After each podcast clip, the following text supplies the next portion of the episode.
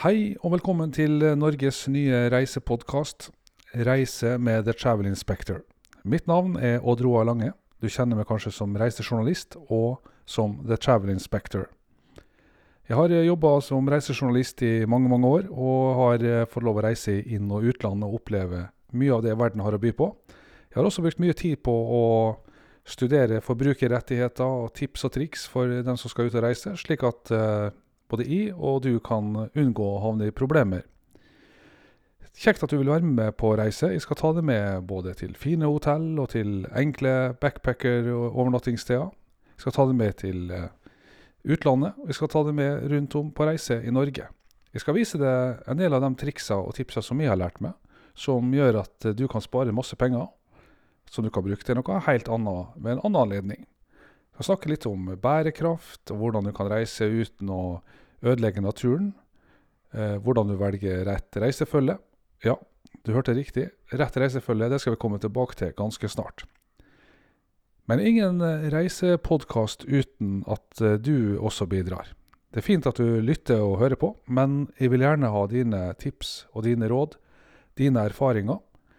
Du kan eh, nå meg ved å sende e-post til orl at thetravelinspector.no. Eller du kan følge med på reisebrev som du får på nettsida thetravelinspector.no. Der kommer det hver fredag nye reisebrev rett i e-postkassa di, og hvis du har noen innspill, så kan du svare på den e-posten, og så kommer du tilbake igjen til meg. Jeg skal prøve å gi deg gode råd og smarte tips, og så må du være snill og gi det tilbake til meg, så kan jeg dele det med andre lyttere. Det er slik vi kan bli bedre til å reise alle sammen. Kjekt at du vil være med meg på reise, for det å velge rett reisemål, det er kanskje det viktigste for noen. Men det som er enda viktigere, er å velge rett reisefølge. Ja, det er lett å bomme der og ta med seg rett, eh, feil reisefølge til rett reisemål, og så blir det ikke så bra som du hadde drømt om. Det som eh, fort skjer, det var det samme for det som hos meg og mange andre. Det er at vi sitter i et eller annet selskap, en familieselskap eller på jobben, eller noe sånt, så sitter vi og drømmer oss bort og snakker om en reise. Og så sier vi liksom plutselig ja, ja, det har vært artig å ha vært med på den. Ja, og da har vi allerede rota oss bort et lite hjørne, fordi vi har blitt fanga litt av dette med å si ja til en reisepartner som vi veit kanskje ikke var all verden. Det kan være at man har forskjellig søvnrytme, man har forskjellig smak og behag. Hvis du skal reise med barn, f.eks., så er det andre leggetider. Alt dette her er viktig. De fleste, etter min oppfatning, velger reisemål og reisepartner med akkurat like tung begrunnelse, mens det burde vært motsatt. Du burde brukt mye mer tid på å velge reisefølge før du velger reisemål. La meg komme med noen eksempel. Hvis du reiser med en annen familie som har barn, og så har du dine egne barn Dette er familier som du går godt overens med til, til vanlig. Kanskje dere er naboer, eller har barn i samme barnehage, eller dere har vært på, på en eller annen sammenkomst sammen, og dere syns at ungene leker godt sammen. Veldig bra. Men du veit ingenting om leggerutinene deres. Du veit ingenting om matrutiner. Og her er det lett å gå i ei felle. Fordi kanskje du har tenkt sånn at når vi står opp nå, så dekker vi på, ordner til frokost. Alle setter seg ned og spiser sammen, koser oss. Så når de, ungene er ferdige å spise, så kan de leke litt på gulvet. Mens voksne kan sitte og prate litt til. Og så rydder vi, og så drar vi ut på tur. F.eks.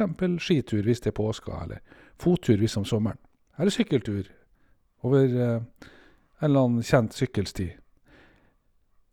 Men så kommer du på tur, og så oppdager du at de andre har jo helt andre rutiner enn det dere har. Det var ikke slik de hadde tenkt. Voksne kan spise nå, og så kan ungene spise etterpå. Eller de kommer til og fra matbordet, tar med seg brødskiva og roter litt i sofaen.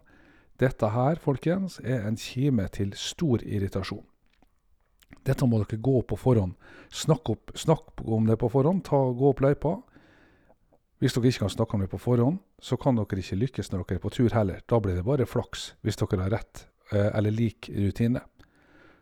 Og for voksne så kan det handle om alkohol. Noen syns det er kjekt å kose seg med alkohol når man på ferie.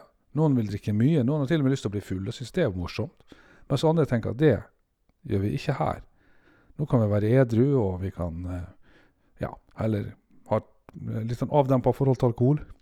Ta en prat om dette også, for her er vi igjen det samme. Hvis fem eh, venner drar på tur, og den ene drikker seg full og skifter helt eh, eh, si, menneskelige egenskaper og blir helt annerledes, kan det ødelegge for alle andre. Pluss at de fire selvfølgelig blir nødt til å passe på den femte, så det ikke skal skje noen skade. Ja, jeg tror du har skjønt det nå. Det handler altså om å tørre å ta en prat om eh, ting som kan by på problemer. Så er det selvfølgelig litt, Vi må være litt rause med hverandre også. Når du drar sammen med andre, så er det ikke slik at alle kan være sånn som du, eller meg.